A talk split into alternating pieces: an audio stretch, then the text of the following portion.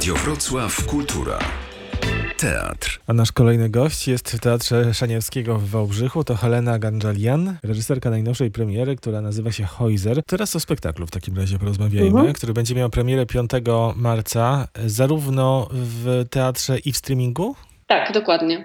E, gramy 5 marca o 19 równolegle streaming i spektakl na żywo. Później też zapraszamy serdecznie 6 i 7 do Wałbrzycha już też na żywo, tylko na żywo. Mhm. E, przy czym też ten stream, z tego co wiem, będzie przez 48 godzin dostępny na platformie. Natomiast bilet, jeśli by się chciało kupić, to trzeba kupić go przed spektaklem. Takie są tak, rzeczywiście tak. zasady, sam je zauważyłem. Tak. I Pani Heleno, w takim razie Heuser, tytuł tego spektaklu, zapisany troszkę mm, przewrotnie, inaczej, bo E jest w nawiasie. Tak. Y, korzysta z tej figury z motywu Kaspara Hausera i z niemieckiego słowa Häuser, czyli domy. Jak połączyć Kaspara Hausera i to niemieckie, te niemieckie domy?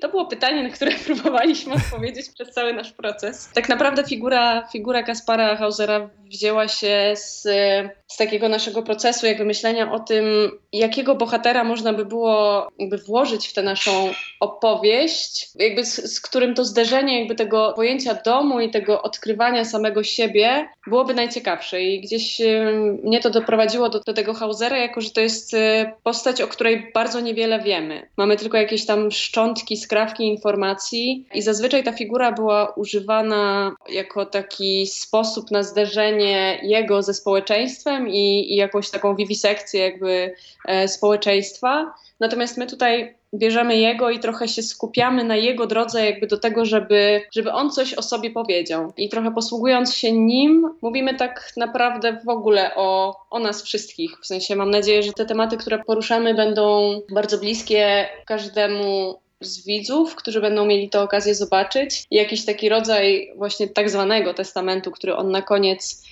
sobie sporządza. Bardzo intymny i bardzo, bardzo bliski, mam wrażenie, słowom, które każdy z nas mógłby powiedzieć, postawione właśnie w sytuacji końca, która to sytuacja też była tematem w ogóle całego festiwalu Epifanie. A jeszcze wracając do tego, co z tymi domami i co z tym połączeniem tego Hausera, to on jest właśnie o tyle ciekawym bytem, że gdzieś on tego domu ma wrażenie, że nie ma. E, jakby on tego swojego domu nie zna, nie wychodzi z żadnego konkretnego miejsca i tam też jeden z bohaterów mówi do niego, ale przecież ty się nazywasz jak dom, masz imię jak dom, możesz zamieszkać sam w sobie.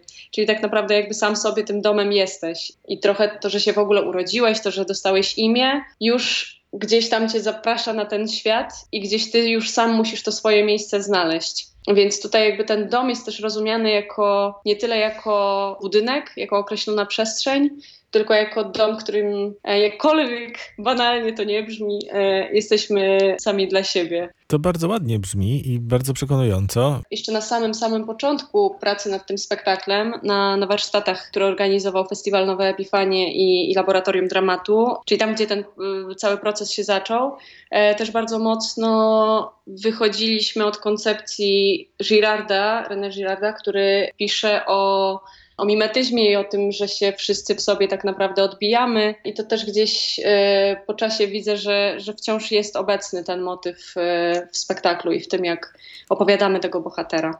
A czy Kaspar Hauser, czy Kaspar jest jedynym takim konkretnym bohaterem nazwanym z imienia i nazwiska w spektaklu, czy pozostałe postaci też mają jakieś konkretne biografie? Nie tyle mają konkretne biografie, co mają jakiś taki swój motyw i moment w życiu, tak bym to ujęła. Na przykład? E, mamy na przykład sytuację rozmowy dwóch bliźniaczek, e, w sensie sióstr syjamskich, bliźniaczek syjamskich, które są w momencie tuż przed, tuż przed rozdzieleniem. Mamy na przykład bohaterkę, która, która mówi o tym, że nigdy nie przeżyła żadnego dnia i, i przeżyła same noce. I, bo też jakby taką, takim momentem, w którym wychodzimy i z którego opowiadamy tę historię, jest moment pierwszego wschodu słońca w nowym roku, 1 stycznia, e, który to moment e, wzięliśmy sobie trochę z tradycji koreańskiej, bo e, tam jest tak, że właśnie nie obchodzi się Sylwestra, tak jak my zwyczajowo obchodzimy właśnie o, o północy i o północy jest to odliczanie,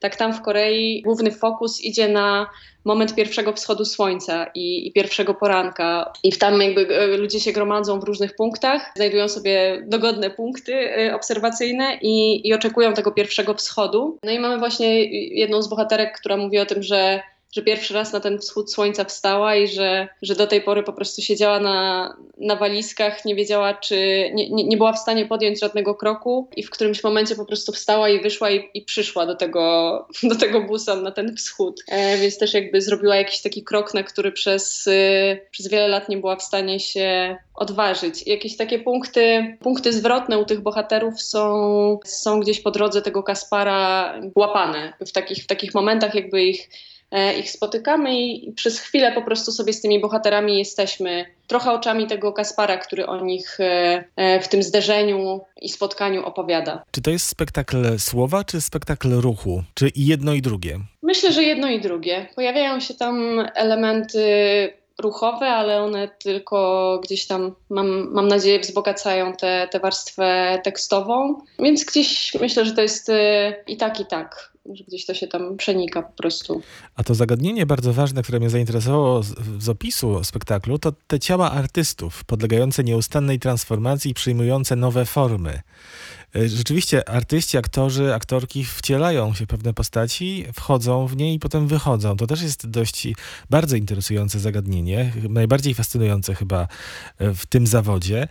I o tym też jest spektakl? No tutaj to była bardzo długa droga tak naprawdę z aktorami, bo tak jak pan pytał wcześniej o to, czy jest jakiś jeszcze bohater, który ma imię i nazwisko, e, to tak naprawdę też przez cały proces gdzieś e, szukaliśmy tego, czy, czy właśnie ich konkretnie jakoś nazywać, tych bohaterów, którzy e, się przewijają, czy nie. I tak jakby przez cały ten nasz proces wychodziliśmy od punktu, w którym to były głosy i tak mieliśmy ich zapisanych w scenariuszu, że tam głos jeden, głos dwa, głos trzy, ale ostatecznie też dla jakiejś takiej czystości prowadzenia aktorów zdecydowaliśmy się, że każdy z nich ma taką swoją wiodącą postać, która to postać jest jakoś tam nazwana i oni w jej obrębie gdzieś po prostu lawirują. Jakby czasem, czasem z niej troszkę wychodzą, ale to jest cały czas jakiś rodzaj, te motywy, które, które niosą te, te dane postaci, cały czas się gdzieś przewijają też po to, żeby widz mógł lepiej te postaci złapać i się z nimi jakoś bardziej utożsamić e, w trakcie, w trakcie całego przebiegu spektaklu. A kiedy pani jako aktorka wychodzi na scenę, to udaje się całkiem, tak całkowicie, stuprocentowo wejść w postać, czy gdzieś tam jakieś myśli z tego życia prywatnego się w głowie